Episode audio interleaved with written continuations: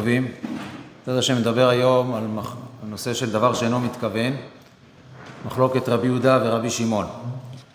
אנחנו מוצאים את הנושא של דבר שאינו מתכוון, כמובן לא רק בהלכות שבת, יש לנו את המשנה במסכת נזיר, על הנזיר שחופף ומפספס, כי הוא לא מתכוון להשארת שיער, המשנה במסכת כלאיים, שמוכרי כסות מוכרים כדרכן, בלבד שלא יתכוונו בחמה מפני החמה ובגשמים מפני הגשמים.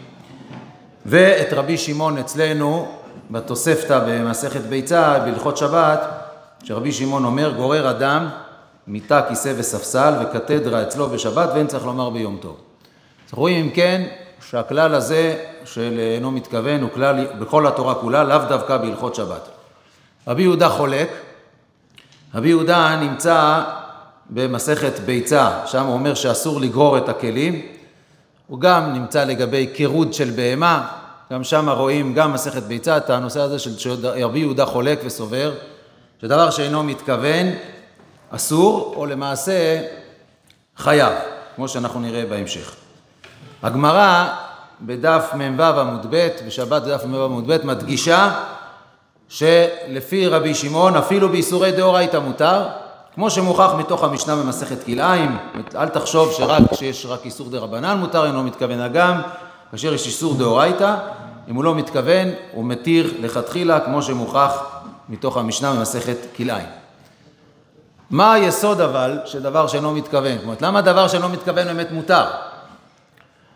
אז אפשר לומר שיש בזה אולי מקורות מפסוקים, ככה נוטה לומר הפני יהושע, ולכאורה ככה משמע מתוך דברי רש"י ביבמות. רש"י ביבמות על הגמרא, הגמרא מביאה שמסכת כלאיים, יש כביכול סתירה בין הפסוק שלא יעלה עליך ולא תלבש, מתוך זה שהתורה מדגישה שיש עניין של איסור לבישה, אז משמע שגם כאשר הוא לא מתכוון, אלא לא רק מעלה עליו, אלא, אלא דווקא כאשר, סליחה, דווקא כאשר הוא מתכוון ללבישה, רק אז אנחנו אומרים שהוא, שיש בזה איסור, אבל אם זה רק עלייה, אבל אם זה בלי לבישה, עלייה לבד בלי לבישה, לא נאסרים. ושם הרש"י מסביר, מביא את הדוגמה של המשנה של מוכרי כסות, אז משמע שלך שיש מתוך סתירה מתוך הפסוקים.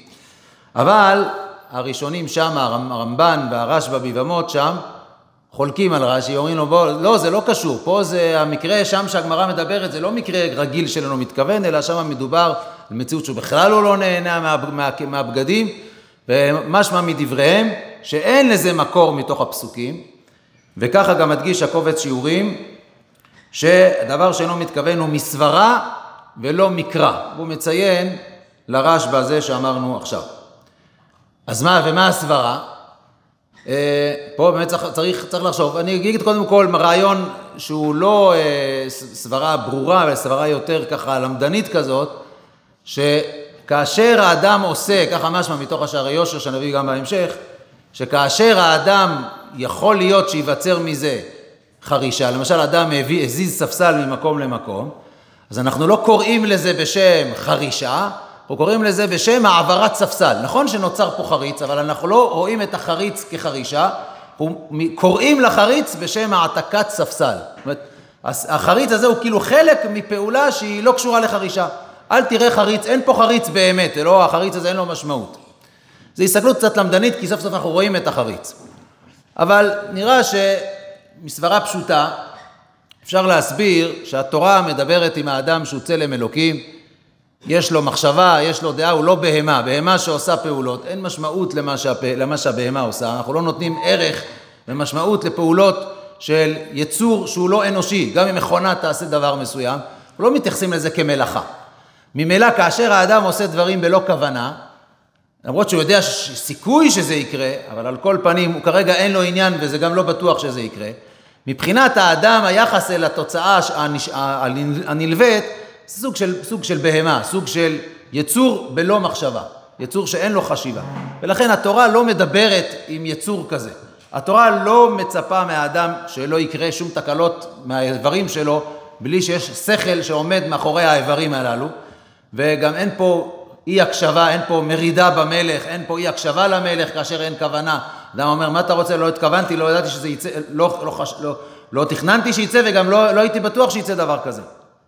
אז לכן אפשר לומר שזאת נראה הסברה הפשוטה, ויכול להיות שבאמת המחלוקת בין רבי יהודה לרבי שמעון תהיה במקום המחשבה, או עד כמה יש משמעות למחשבה האנושית כהדבר העיקרי שמצו, שהוא מצווה מצד האדם, ויכול להיות שרבי יהודה יותר נותן משקל על התוצאה, פחות על, ה, על, ה, על המעשה. עכשיו, רבי יהודה, כמו שאמרנו, הוא חולק. הראשונים מדגישים את זה שרבי יהודה, אה, שרבי יהודה אומר את זה דווקא לגבי, אה, אה, שרבי יהודה עצמו מחלק בין שבת לבין שאר איסורים. רש"י אומר את זה בפירוש במסכת שבת, שדבר שאינו מתכוון לרבי יהודה, מדרבנן הוא, מזיקין לא גזור, לא, לא, זאת אומרת, לא משמע לחלוטין שהכוונה רק, ב, בש, ש, ש, הוא לא, לא כותב בפירוש שזה בשבת, אבל לכאורה זאת, זאת, זה, זה המשמעות היותר פשוטה, וזה מתבסס על רש"י אחר, שרש"י כותב, מקודם שאלנו מה השורש של הדבר שאינו מתכוון, והיינו לכאורה יכולים להגיד מושג של מלאכת מחשבת. למה לא רצינו להגיד שזה מלאכת מחשבת? כיוון שזה בכל התורה כולה, זה לאו דווקא שבת.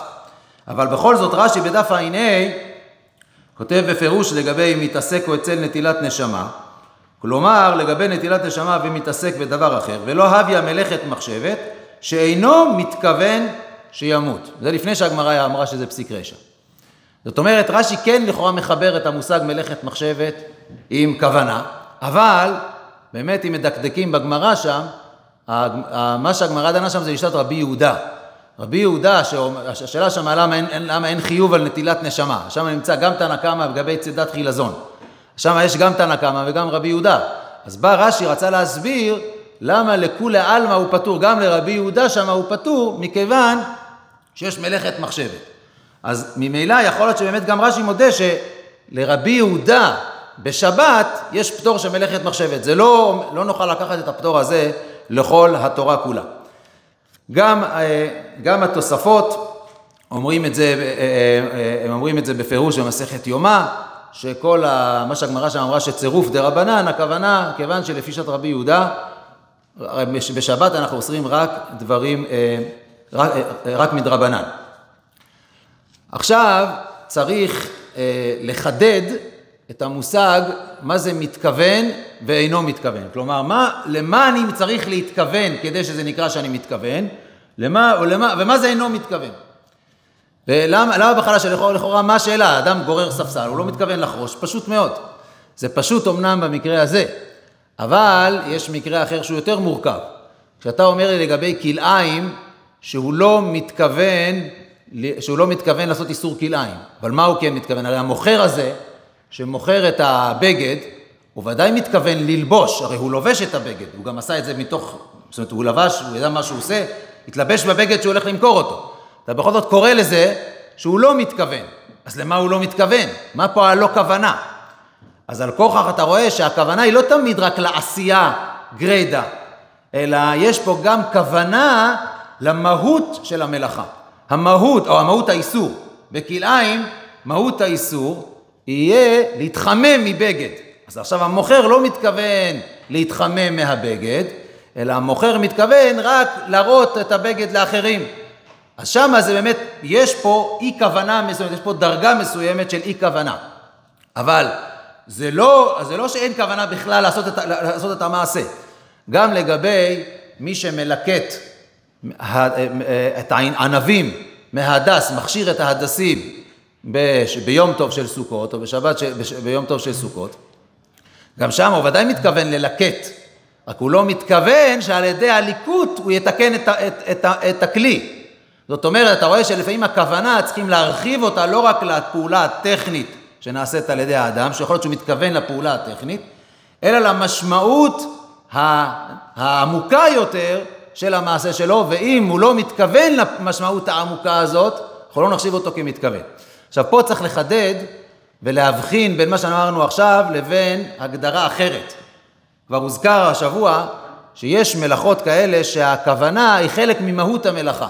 כמו שרואים לגבי קוטם קיסם, כמו שרואים לגבי מצרף, אבל זה לא מה שאנחנו אומרים עכשיו. שמה החילוק הוא האם בכלל הוא עושה מלאכה אפילו בפסיק רישא. זאת אומרת, שמה במלאכות כאלה, כמו למשל מי שקוטם קיסם, מחתך, ולא, ולא התכוון לחתך בשביל ליצור קיסם, אז אפילו שזה פסיק רשע, אפילו שיצא לו, אפילו שברור שיצא לו את מה שהוא מתכוון, אבל הוא לא רוצה את התוצאה, אנחנו אומרים שם, אנחנו אומרים שזה בכלל לא מלאכה. אפילו בפסיק רשע זה לא מלאכה, כן, כי הכוונה שם היא יותר, עמוק, יותר משמעותית, היא אפילו בפסיק רשע היא לא מלאכה. במלאכה שאנחנו אומרים עכשיו כמו כלאיים, וכמו למשל מתקן מנה עם הענבים של ההדס, אנחנו לא אומרים שזה לא מלאכה בכלל, כי אם זה יהיה פסיק רשע, הנה חינמי זה יהיה אסור. זה רק לא פסיק רשע לעניין, זה רק לא נקרא הכוונה לעניין מכוון ולא מכוון. כלומר, אני צריך להגדיר קודם כל מהי, מה נקרא שאדם מתכוון לעשות את הפעולה, ואז אני גוזר מזה שאם הוא לא מתכוון לזה, הוא לא מתכוון, אבל אם זה יהיה פסיק רשע של המהות של המלאכה, אז זה כן הוא יהיה חייב, ברוב המלאכות. חוץ מהמלאכות אמרנו, כמו, שה, כמו שאמרנו, הקוטם, קיסם וה, והמצרף. ואולי גם בעוד מלאכות, זורע וצד, יש עוד כל מיני צדדים שאפשר להגיד את הכולה היותר גדולה. אבל מה שאמרנו עכשיו, זה משהו שיותר בסיסי לכל המלאכות, שבכל מלאכה צריך לבוא ולהגדיר מה הכוונה של כאשר הוא מתכוון, ומה הכוונה כאשר הוא אינו מתכוון. אה, השאלה עכשיו גם, כשאנחנו אומרים שהוא לא מתכוון, האם הכוונה בגלל שזה סיכוי רחוק שיצא המלאכה, או 50 אחוז שיצא המלאכה, או לא, עצם זה ש, שיכול להיות שזה לא יקרה, זה כבר נקרא שאני לא מתכוון. ופה הריטב"א בכתובות אומר בפירוש, דכל שאפשר שלא יעשה איסור, אפילו בצד רחוק, לא חשיב פסיק רישה ולא ימות. ולשון פסיק רישה ולא ימות מוכיח כן. כלומר, מתי אנחנו אוסרים פה, שתכף נסביר לנו את כל המושג של פסיק רישה? זה רק כאשר זה נעשה בצורה ודאית, האיסור המשני יקרה בצורה ודאית. אבל ברגע שיש סיכוי, אפילו תאורטית, צד רחוק, ככה לשון הריטב"א, זה כבר לא נקרא פסיק רישה. שוב, כי כיוון שהאדם מבחינתו לא התכוון, כיוון שהוא גם הוא לא יודע אם זה יקרה או לא יקרה. אז הוא יכול להגיד, אני לא קשור לתוצאה הזאת, אין לי, אני לא התכוונתי לתוצאה ואני לא מעוניין בתוצאה. בכל זאת, אה, אנחנו מוצאים דברים שיכול להיות שהחמירו בהם, כי זה קרוב לפסיק רשת. הדוגמה היא מי שפותח דלת שיש מאחוריה נר, שם יש מחלוקת בין ברייתא לבין רב. הברייתא אומרת, בדף קכ עמוד ב', שנר שאחורי הדלת פותח ונועל כדרכו, ואם כבתה כבתה.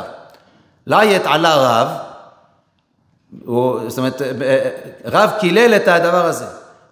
מסקנת הגמרא, למה הוא מודה? כי, פסיק, כי מבחינתו זה פסיק רשע. אז למה תנא קמא מתיר? איך יכול להיות שהתנא, הברייתא מתירה, ורב אומר שזה פסיק רשע? אפשר לומר, כמו שמסביר המהרש"א, שהכוונה שזה קרוב לפסיק רשע. זאת אומרת, לפעמים חכמים יכולים לומר את הדבר שנראה כמו פסיק רשע, גם אם הוא לא פסיק רשע, גם אם אתה לא מתכוון, יכול להיות שמדרבנן זה יהיה אסור. עכשיו נכון, לא נוכל לקחת את זה לכל המקומות, לכאורה עד שלא מצאנו שיש גזרה, אנחנו נוכל להגיד, אם זה לא ודאי, זה עדיין נכלל בתוך דבר, ש... זה עדיין נכלל בדבר שאינו, בכלל דבר שאינו מתכוון. אה, אנחנו גם רואים שלפעמים יכול להיות דבר מסוים שהוא מאוד קרוב לפסיק רשע, אבל הוא מחלוקת אם הוא פסיק, מחלוקת לכאורה מציאותית. רואים את זה לגבי כיבוד, אדם שמכבד עם מטאטא את העפר, אז שם הרש"י כותב שזה פסיק רשע של השוואת גומות. אבל רוב הראשונים לא אומרים שפסיק רשע של הגומות, או שאומרים תירים לגמרי, את הכיבוד, או שאומרים סברות אחרות, שבגלל שהוא מטלטל את העפר, או שהוא שמא יכוון למלא גומות, משמע שהם לא תופסים שזה פסיק רשע במציאות. זאת אומרת שפסיק רשע יכול להיות גם דברים באמת גבוליים, שמאוד קרובים לפסיק רשע, כעובדה שמישהו יראה את זה כפסיק רשע, ומישהו אחר יגיד לך לא, זה עדיין נקרא בגדר דבר שאינו מתכוון, ומצד עיקר, מצד, מצד עיקר ההלכה זה מותר. במחלוקת של רבי שמעון אנחנו יודעים שההלכה נפסקה כמו רבי שמעון, זה גמרא מפורש במסכת שבת דף כ"ב עמוד א', ששמואל פסק הלכה כרבי שמעון מגרירה לעומת רב, ואביי מצדיק את זה, שגם, ש... זאת אומרת ש, של, שלמעשה אה, למעשה גם רבא, רבו של אביי פנה כמו שמואל, ולכן הפסיקה למעשה היא מוחלטת, הלכה כרבי שמעון לגמרי. עכשיו בא ומתחדש יסוד המושג של פסיק רשה. המושג הזה מתחדש בגמרא בדף, חוזר על עצמו בהמון מקומות, אבל אה, בדף קל"ג עמוד א', שם הגמרא דנה לגבי, לגבי הנושא של מילה בבהרת, והגמרא אומרת, אביי ורבא דאמרת רביו, מודה רבי שם פסיק רשע ולא ימות, אבל משמע מהגמרא, לפני שאני אסביר גם בדיוק מה זה פסיק רשע, משמע מהגמרא שזה לא היה סברה כל פשוטה. כי הגמרא אומרת שבהתחלה אביי לא חשב ככה, הוא לא ידע את סברתו של רבא. רק בתר דשמעה מרבה סברה. בהתחלה אביי חשב שגם פסיק רישא הוא מותר, רק אם התורה אומרת בפירוש שזה אסור, אז, אז זה אסור. אבל הוא לא היה פשוט שזה פסיק רשע, שפסיק רשע זה דבר שהוא, שהוא, שהוא, שהוא בוודאות אסור. ובאמת, כמו שתכף ננסה להסביר למה פסיק רשע אסור וכולי, אבל פסיק רשע לכאורה זה חידוש של רבא. זה לא נאמר מפורש לפני כן, וצריך לשאול באמת אם יש חולקים על זה. כלומר, האם הסברה הזאת, נכון שאביי קיבל בסוף את סברתו של רבא, אבל לא בטוח שזו סברה כל כך פשוטה, ושיש פתאום שינוי משמעותי מדברי רבי שמעון ל... מדברי, מדברי רבי שמעון, שהוא אומר, דבר שאינו מתכוון מותר, פתאום אתה אומר, לא, לא, רגע, יש חילוקים. אולי החילוקים האלה לא מדויקים. אפשרות לומר דבר כזה, זה שזה לא נמצא בירושלמי. בירושלמי לא כתוב את המושג הזה פסיק רשע, וגם מבחינת הדורות, רבה כבר היה בסוף תקופת הירושלמי, כלומר מקביל לסוף תקופת הירושלמי, יש הרבה חידושים של רבא שלא נמצאים. רבא זה בעצם דור חדש, דור יותר מאוחר, ומאוד יכול להיות שהאמוראים הראשונים לא הכירו את החילוק הזה, לא הסכימו אולי לחילוק הזה, אולי היה פשוט להם, אולי לא היה פשוט להם, אפשר להגיד ככה וככה. כבר יש, כבר היה, היה יש איזה אחד המפרשים או האחרונים, שבאמת זה מישהו, מישהו, מישהו הראה לי את זה מהקבוצה, שאכן באמת רצה לטעות את הירושלמי הזה של הצידה, הירושלמי התמוה של אדם שנועל את ביתו, הרשב"א הידוע, שמי שנועל את ביתו נמצא צבי, אפילו שהוא יודע שיש צבי בתוך הבית, שיכול להיות שבאמת לפי הירושלמי אולי אין, אין מושג של פסיק רשע. זה אני אומר לתור הערה בסוגריים, כמובן שלהלכה אין לנו שום צדדים להקל בזה, ודאי שפסיק רשע חייב, אנחנו לא, לא, לא דנים בזה בכלל מצד זה, אבל בצד, בצד העניין והלימוד, כשאתה רואה שבתר דשמעה באיי סברה, בהתחלה הוא לא סבר את זה מעצמו, לפני שרבא אמר לו את זה, ויכול להיות שמצד מצד כמו שגם תכף נסביר את הדעות ביחס בין פסיק רשע לבין מכוון, שבאמת יכול להיות מאוד שהסברה, שיש סברה לחלק, ויכול להיות שגם משתמשים בה, כמו שנזכיר ב, ב, ב, אה, למעשה באיסורי דה רבנן. אה, פסיק רשע נמצא בהרבה מאוד מקומות, בהרבה מאוד אה, מקומות בגמרא. ויש לנו פציעת חילזון, איפוי קרקע, משוכה ידן אזיאטה, הפשטת האור, תכף אה, נזכיר את זה עוד, נר שאחורי הדלת, בהרת במילה, סחיטה של ספוג, מיעוט ענבים, הוצ... אה, פסיק... בכתובות, הוצאת אדם. זאת אומרת, אנחנו משתמשים בזה בהרבה מאוד מקומות וחוזר על עצמו, וכל פעם התורה, כל פעם הגמרא בפירוש אומרת שפסיק רשע זה ודאי, שזה ודאי אסור. ומה, ומה הדין לפסיק רשע? פשט הפסוגיות גם שחייב, ואכן באמת יש הרבה מאוד ראשונים שכותבים בפירוש, רבנו חננאל, הרמב"ם, תוספות, אה, מאירי, ראב"ד, כולם כותבים שפסיק רשע, הכוונה שהוא חייב. יש, אה, יש מי שרוצה לטעון שיטה אחת, שיטה, בשיטה המקובצת בכתובות, נמצא שיכול להיות שפסיק רשע הוא חייב רק בשאר איסורים, אבל עדיין בשבת, בגלל מלאכת מחשבת, יכול להיות שהוא לא יהיה יכול, יכול להיות שהוא לא יהיה חייב, אבל מפשט דברי הגמרא וכל הסוגיות שקשורות לשבת, גם בדף ע"ה, שדיברנו על הפציעת חילזון, ובדף קג למי שמלקט את, את העשבים, כל המקומות האלה משמע שאם זה פסיק רשע זה גם חייב, זה לא רק אסור, אלא גם חייב. אמ, עכשיו, פה אנחנו צריכים להבין יותר לעומק את המושג של סברת פסיק רישא, מה עושה פסיק רישא שפתאום הופך את האינו מתכוון לחיוב. וזה גם תלוי בהגדרות שמקודם אמרנו, וננסה עכשיו ללכת עם ההגדרה שהתבססנו עליה, שהאדם לא מתכוון. לכאורה, מה הופך את הפסיק רישא כשאדם אומר, אני לא התכוונתי, אני יודע שיצא מזה את מה שיצא מזה, אבל אני לא מתכוון לתוצאה השנייה. אז איך פתאום הוא הופך להיות חייב? אז לכאורה נראה מתוך לשון התוספות בדף ביומא שהיסוד של פסיק רישא הוא שענן סהדי שהוא מתכוון לייפות. כלומר, כאשר אדם עושה פעולה, והפעולה השנייה היא תוצאה נלווית בצורה מוחלטת, וגם יש לו תועלת ונוח לו מהתוצאה, מהתוצאה הנלווית, אז הסברה אומרת שהוא כאילו בידוע מתכוון גם לתוצאה השנייה. כיוון שנוח לו מאותה תוצאה, אז עכשיו הוא כאילו מיתמם, אומר, אבל אני לא מתכוון. מה זאת אומרת אתה לא מתכוון? אתה יודע שיצא תוצאה שנייה. יש לך תועלת מהתוצאה השנייה. איך אפשר לומר שאתה לא מתכוון? בפשטות לכאורה אפשר להגיד שאתה ענן צדי, ברור שבמחשבה שלך אתה מכניס בשקלול של המחשבה שלך גם את התוצאה השנייה, ובעצם אתה רוצה לעשות את שתי הדברים האלה. מה? אז רגע, מיד. קודם כל נבין במצב שנוח לי. זה קודם כל. מה? אבל כאשר זה פסיק רשת דניחא זה כאילו אנחנו אומרים, אתה בעצם מתכוון. אתה יכול לצעוק עד מחרתיים שאתה לא מתכוון, אבל אנחנו מפרשים את, את, את דעת האדם שלמעשה הוא סוג של מתכוון. אה, גם בערוך, כשהוא כותב ככה, כשאם, אם אמר, כשהוא מדבר על חתיכת הראש של, ה, של התרנגול, ואם אמר איני מתכוון למיתתו, אלא להוציא ממנו דם לדבר צורך, אין ממש בדבריו, אלא הרי כמתכוון לאמיתו ורוצהו. זאת אומרת, כאשר הוא עושה פעולה כזאת שהיא פסיקה של חיתוך ראש העוף, אז שם אנחנו אומרים, אתה בעצם מתכוון ורוצה, אתה, אתה, יש לך תועלת, כיוון שאתה צריך את הדם, יש לך תועלת במידה מסוימת, גם שכנראה הבעל חיים ימות, זו שאלה קשה באמת, למה הוא רוצה, זה, זה, יש בזה קושי, הדוגמה המקורית של פסיק רשע. למה אדם רוצה שהוא בחתיכת התרנגול, ועל כל פנים ככה, ככה הסתכלות על פסיק רשע, וכנראה שיש תועלת, זה יותר נוח להוציא דם כאשר הבעל חיים מת, ולכן האדם לא יכול להגיד, אני לא מתכוון, הוא נחשב כאילו הוא מתכוון. מיד, מיד, מיד, נכון, אתה צודק, זה מיד ההשלכה של מה שאומרים, גם תכף נביא גם גישה אחרת לכאורה. אה, הערה בסוגריים, כל המושג הזה של פסיק רשע, הוא גם מעורר את השאלה של מה דיברנו, שדיברנו עליה בהתחלה, של מה, מה ההגדרה של מתכוון ולא מתכוון, כי גם כשהוא חותך את הראש של העוף, למה אתה קורא שהוא לא מתכוון? אתה מתכוון לחתוך, לחתוך ראש של עוף זה להרוג. שוב, צריך לומר שמלאכת הריגה, הכוונה שבה באמת זה נטילת הנשמה, כלומר מלאכת, אתה רוצה להרוג, לא רק שאתה רוצה לחתוך, אתה רוצה להרוג, כל עוד שלא התכוונת לזה, זה לא נקרא שעשית את פעולת ההריגה.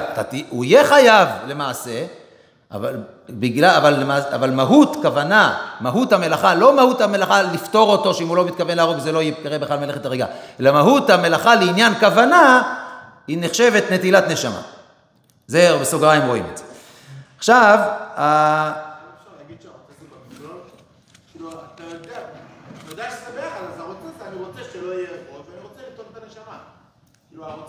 מצוין, אוקיי, זה גם טוב. מה אכפת לי אם זה בשתור, מחשבה שנייה או... אתה לא יכול להגיד לא רוצה כשאתה רוצה במכלול.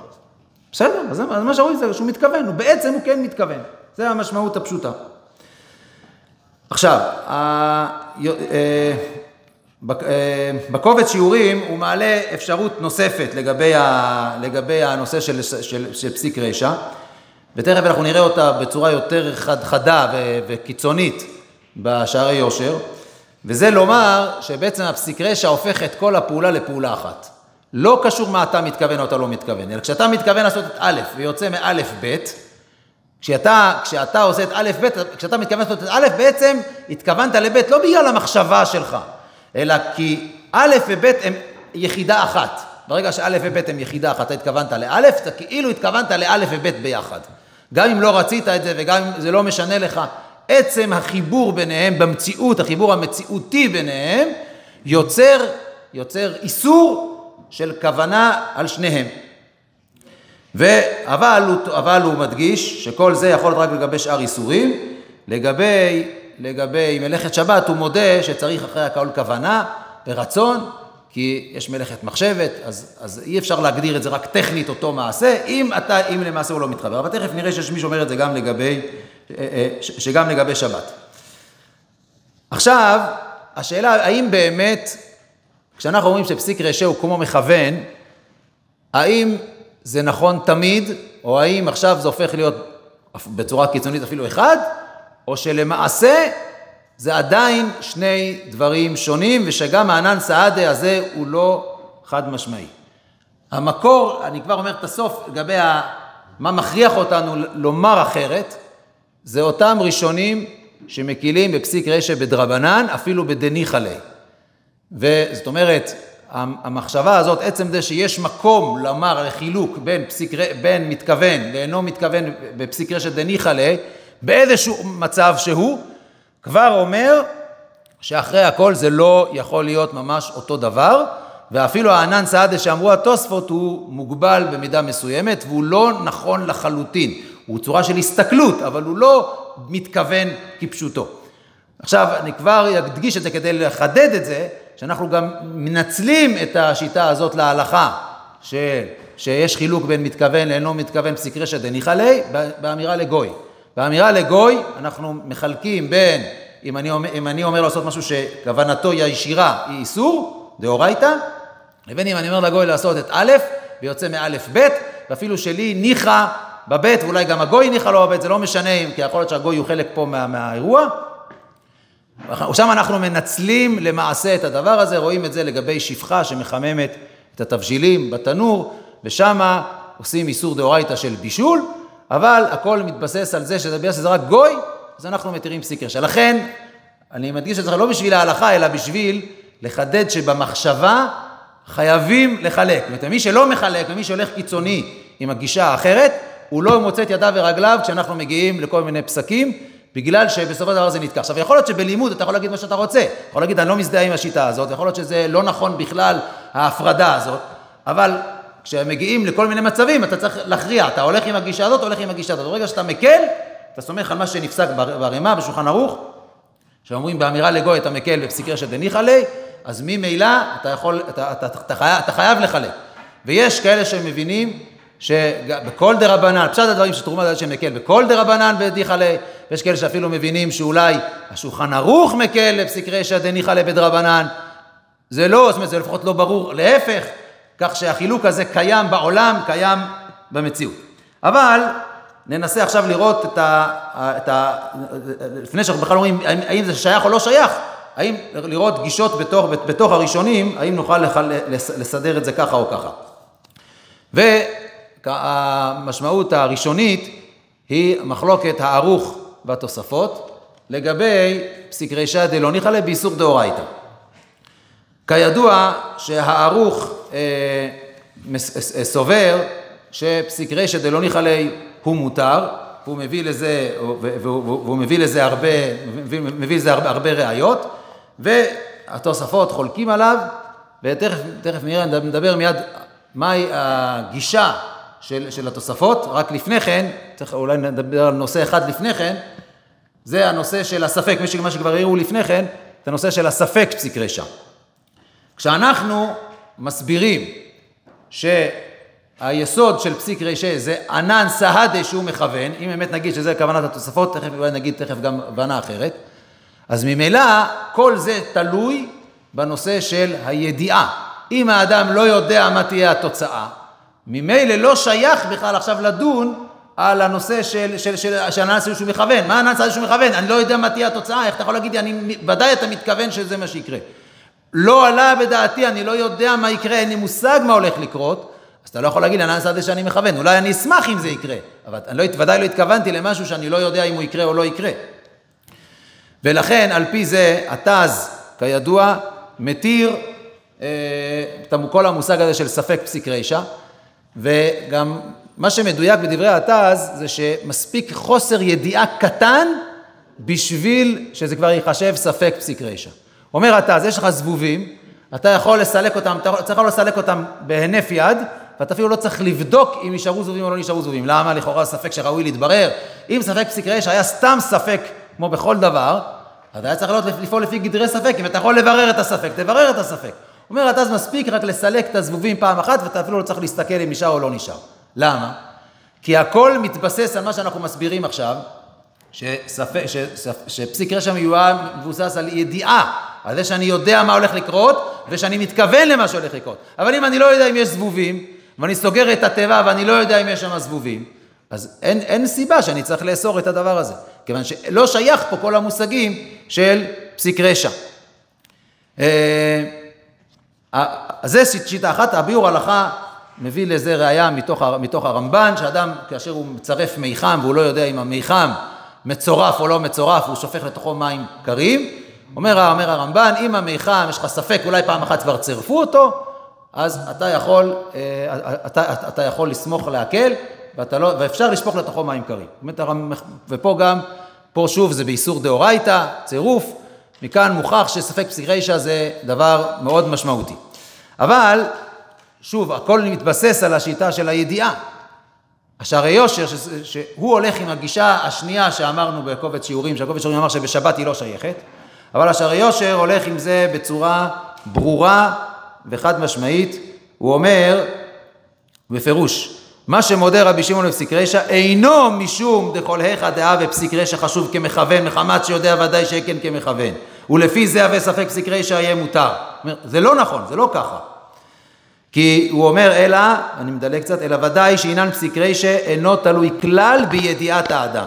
אלא אם הדבר במציאות הוא פסיק רישא, אסור. אף שלא ידע העושה מה שיהיה תכלית הפעולה. שהטעם העיקרי בפסיק רישא, שבאופן כזה המעשה נקראת על שם זה גם בלי כוונת העושה. ורק איך שאינו פסיק רישא, סובר רבי שמעון שאין המעשה נקראת על שם זה, אלא רק על, הכוונה, רק על ידי הכוונה. כלומר, הגדרת המעשה התוצאה, הגדרת התוצאה היא תלויה בפסיק רישא. ברגע שאני אומר שהתוצאה השנייה היא לא נלווית בוודאי למעשה הראשון, אז ממילא מעשה, זה לא מעשה אחד, יש פה רק מעשה א' ואין פה שני מעשים שכלולים במעשה אחד. אבל אם הם תלויים זה בזה, אז בעצם יש פה מעשה אחד, אם יש מעשה אחד ואתה מתכוון לעשות את המעשה, אז זה, אז זה נקרא, זה נקרא שעשית את המעשה. ברגע שהתכוונת לעשות את א', זה בעצם אתה עושה מעשה של איסור. א', הופך להיות מעשה של איסור, בגלל שמחובר אליו דבר שבאופן ודאי יקרה. וזה בכלל לא תלוי אם אתה יודע או אתה לא יודע. זה לא משנה מה אתה התכוונת. אתה התכוונת לעשות את א', א', במציאות מחובר עם ב', בסופו של דבר אתה מתכוון לעשות מעשה של איסור. ולכן עליך לברר לפני כן, מראש, האם א' מחובר עם ב' או לא מחובר עם ב'. וכל פעם שיהיה חיבור, לא תוכל להקל בזה, וזה לא משנה הספקות. הוא מביא את הרמב"ן במלחמות, הוא רוצה להגיד ששם זה, ששם זה מקרה מיוחד, אולי צירוף, זה כן תלוי בדעת בני אדם, כי צירוף יכול להיות שזה משהו של משמעות, של תוצאה מסוימת שיש לה איזשהו ערך אנושי, לא רק ערך מציאותי, ולכן שם זה כן יהיה תלוי בספקות. אבל כל שאר המקומות, הכל מחובר בדבר אחד.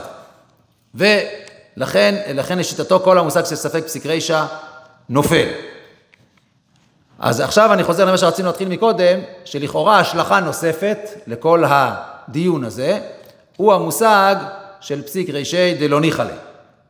שכידוע, יש לנו בזה מחלוקת בין התוספות לבין, אה, לבין הערוך, ותוספות אוסרים, ואומרים שזה כל מלאכה שאינה צריכה לגופה, והערוך מתיר.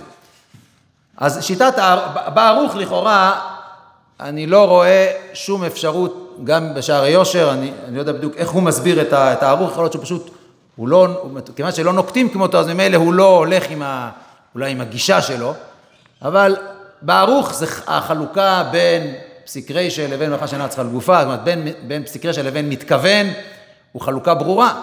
הערוך סובר שכל מה שאתה לא צריך את התוצאה, אז מותר. לעומת זאת, אם אני מתכוון ורק לא צריך את התוצאה, זה אסור, פטור מדרבנן. בואו ניתן רק דוגמה להמחיש את העניין. מי שבא אל הנר ומכבה אותו בידיים, והוא לא צריך את הפחמים, זה ייקרא מכוון, מלאכה שאינה צריכה לגופה. מי שרק פותח את הדלת וכיבה את הנר בפסיק רשע, זה נקרא אינו מתכוון. אני חושב שבמציאות החלוקה היא מאוד ברורה בין אדם שבא אל הנר ומכבה אותו להדיא בידיים, לבין מי שמכבה את הנר דרך פתיחת דלת, הוא אפילו לא חושב על הנר, רק, זה רק פסיק רשע, הוא יודע גם שהנר עלול לכבות, הוא יודע שהנר יכבה, אבל כרגע זה לא עיקר מחשבתו. מבחינת המציאות החלוקה היא ברורה. השאלה מבחינה הלכתית, אבל מבחינת המציאות אפשר להבין שיש מציאות. אומר הערוך, יש לזה משמעות. זה שלא עשית את המעשה בידיים, אלא בצורה עקיפה, כאילו דרך פעולה אחרת שגררה את הפעולה השנייה באופן מיידי, לכן זה לא גרמה, כי זה באופן מיידי, זה לא אותו דבר. לכבות בידיים ולפתוח דלת, זה לא אותו דבר. אני חושב שכל אחד מאיתנו מרגיש את זה. זאת אומרת, אתה תבוא לבן אדם ותגיד לו, תשמע, כשאתה פותח את הדלת, אתה מכבד את הנרות בצורה ודאית, זה כאילו עכשיו באת לנר וקיבלת אותו בידיים שלך בידיים. מה, באמת, זה לא אותו דבר, אתה, כולם מבינים, מרגישים, מרגישים בחוש שזה לא אותו דבר. עכשיו להגיד, בחוש זה לא אומר כלום, אבל זה שיש משהו ב, ב, בנפש שמרגיש את זה, ובא ערוך ומחדד את זה, אז זה נותן גושפנקה והבנה יותר, יותר ברורה לדבר הזה, שיש חלוקה בין פסיק רשע לבין מכוון. והערוך מביא, הערוך מביא הרבה, הערוך מביא, מביא לשיטתו הרבה ראיות. מביא את המערא דחברי, שדווקא, שדווקא, רק, רק כאשר אדם עושה את זה בקרקע שלו, ואז הוא תולש את העשבים, אז הוא חייב. יש אה, מילה בצרת, יש הבדל בין אחר לבין, לבין אותו אדם, בהושענא אחריתי, כאשר לא לא אכפת לו. ואחת הקריאות הרציניות שתכף נדון עליהן, הנושא של המזלף יין על גבי האישים, שכאשר אדם מזלף יין, אפילו שזה פסיק רשע תיאורטית, שהוא כיבוי האש, כיוון שלא ניח לו, לא נוח לו בתוצאה, אז זה מותר. רק בסוגריים להעיר שזה לא נמצא בערוך עצמו, הראייה דווקא הרי אחת הראיות החזקות לא נמצאות בערוך עצמו, אלא נמצאת רק בתוספות בשם, בשם הערוך. על כל פנים, שיטת הערוך אני חושב שקשה מאוד להתווכח עליה, לפחות בהלכות שבת. לפחות בהלכות שבת, לפי הזמן אם נראה, נדבר על הערוך בשאר איסורים, בשת, מה, ש, מה. זה תלוי בהבנה של הראיות של הערוך, אבל כרגע לפחות בהלכות שבת ברור שיש הפרש. השאלה היא בדת התוספות. תוספות חולקים על הערוך ומציגים את הדברים שזה בעצם לכאורה אותו דבר, ויש לשונות בתוספות שממש נראה שפסיק רשע זה ממש מלאכה שנצחה לגופה ממש אותו דבר בדיוק. תוספות אה, אומרים לשון, אה, אומרים לשון כזאת, שיש לומר דאין מתכוון דעתם, היינו שאין חושש בהעברתם, לכך פטור לרבי שמעון משום דאבי מלאכה שאינה צריכה לגופה, כמו חופר גומה ואין צריך אלא להפרה. דפטור לרבי שמעון, אף על פי דפסיק רישהו. הם ממש באותו, באותו משפט, הם אומרים שחופר גומה וצריך להפרה זה פטור, אבל גם זה פסיק רשע, כאילו קוראים אפילו, אפילו לחופר גומה, הם קוראים לו בשם גדר פסיק רשע, זה, שזה כביכול הדוגמה המובהקת ביותר של חופר, של מלאכה שאינה צריכה לגופה, ולכאורה הם קוראים לזה בשם פסיק. אה, וגם אומרים, אכן עד משני דאית ליושענא אחית, היינו משום דעה זהב, ומלאכה שאינה צריכה לגופה, למרות שהגמרא קראה לזה בפירוש פסיק. ראיות לתוספות זה גם למשל, הנושא של השקיל בברזי. מה זה שקיל בברזי? אדם שמפשיט את הקורבן. אז הגמרא אומרת שאם הוא מפשיט את זה בצורה שהוא עושה את זה, שאם הוא, שאם הוא מפשיט את זה בצורה חלקי, בצורה של קרעים קרעים, זה לא נקרא הפשטה. הגמרא שואלת, והרי לכאורה זה פסיק רישא. עכשיו, לכאורה זה לא קשור לפסיק רישא. זה קשור למושג של כל ההפשטה שם, היא הכוונה, אני מתכוון להפשיט, רק שאני לא צריך את האור. בכלל הגמרא אומרת שלא צריך את האור, ואז הגמרא מתרצת שהוא שקיל לבר, זה הכוונה שהוא עושה את זה בצורה לא, לא, לא הפשטה רגילה. אבל שם הוא ודאי מתכוון להפשיט את האור. בכל זאת הגמרא קוראת לזה כאילו בלשון פסיק רישא. משמע לכאורה, שפסיק רישא שאינה צריכה לגופה זה סתם ביטויים מתחלפים, ולכאורה הכל אותו דבר. זה מחזק מאוד את שיטת השערי יושר, שהנה התוספות לכאורה אומרים בדיוק את הכיוון הזה, ברגע שזה פסיק רשע זה בעצם זה לא משנה אם פתחת את הדלת, לא משנה אם חיבית את הנר, עשית בדיוק את אותו דבר, רק צריך עכשיו לדון על התוצאה. אבל אין משמעות לפערים של, ה, של, ה, של הרצף של הפעולה ש, ש, שאתה עשית. ואכן גם רבי עקיבא איגר גם כן נוטה להסביר ככה את מחלוקת התוספות והערוך, האם פסיק רשע ו... האם פסיק רשע ומלאכה, האם פסיק רשע ומכוון, זה היינו, האם פסיק רשע זה בעצם אתה עושה את אותו דבר. אני, אין שום משמעות בין מכוון לבין פסיק רשע. אבל, אבל רבי עקיבא רגע בעצמו אה, גם כן מעורר את זה שזה לא כל כך פשוט, ולמעשה נראה ממנו שזה כנראה צריך להיות מחלוקת בין בעלי התוספות עצמם. כיוון ש... הוא אומר, הוא אומר, אכן בדף ע"ה, בדף ג', שם משמע, דף ע"ה זה קשור לגבי החילזון, שאדם מוציא, שאדם מוציא את הנשמה, גם משם הלשונות של התוספות, משמע זה אותו דבר. שם באמת משמע שזה מלאכה שאינה צריכה לגופה ממש, אותו דבר. אבל, אומר רבי עקיבא איגר, בתוספות בכתובות, משמע אחרת. מאיפה מצאת את בכתובות משמע אחרת? שם התוספות בכתובות מביאים את הראייה של הערוך מהדין של אה, מזלף לאישים. ושם התוספות אומרים, מה שמתיר רבי שמעון לזלף יין על גבי האישים, איכא למימר דמצווה שני. פה זה כבר מורכב יותר. פה מדובר על שאר איסורים, מכבה בבית המקדש. מה שייך מצווה שני או לא מצווה שני? אם אנחנו אומרים שפסיק רשע בדיוק כמו מכוון, אז אין שום קולות בדבר הזה, זה לא הופך להיות דרבנן לכאורה, פסיק רשע דלא ניחא לבשאר איסורים, לפי התוספות זה חייב, כי זה, אתה אומר, אתה אומר, אתה אומר, זה בדיוק אותו דבר. בשבת הוא פטור כי זה מלאכה שאינה צריכה לגופה, יש מלאכת מחשבת. אבל בשאר איסורים אין את המושג הזה. אז עכשיו, למה במזלף יין לאישים, אנחנו אומרים, פה אני צריך לסיים, אנחנו נגמור את זה. אה, למה למה מזלף יין לאישים, אנחנו אומרים ש, שמצווה שני, מה זה משנה מצווה או לא מצווה? זה איסור דאורייתא. זה לא דה רבנן, זה לא כמו בשאר, בשבת, זה דה רבנן כי זה ברכה שאינה צריכה לגופה. במזלף יין לאישים אין את המושג הזה.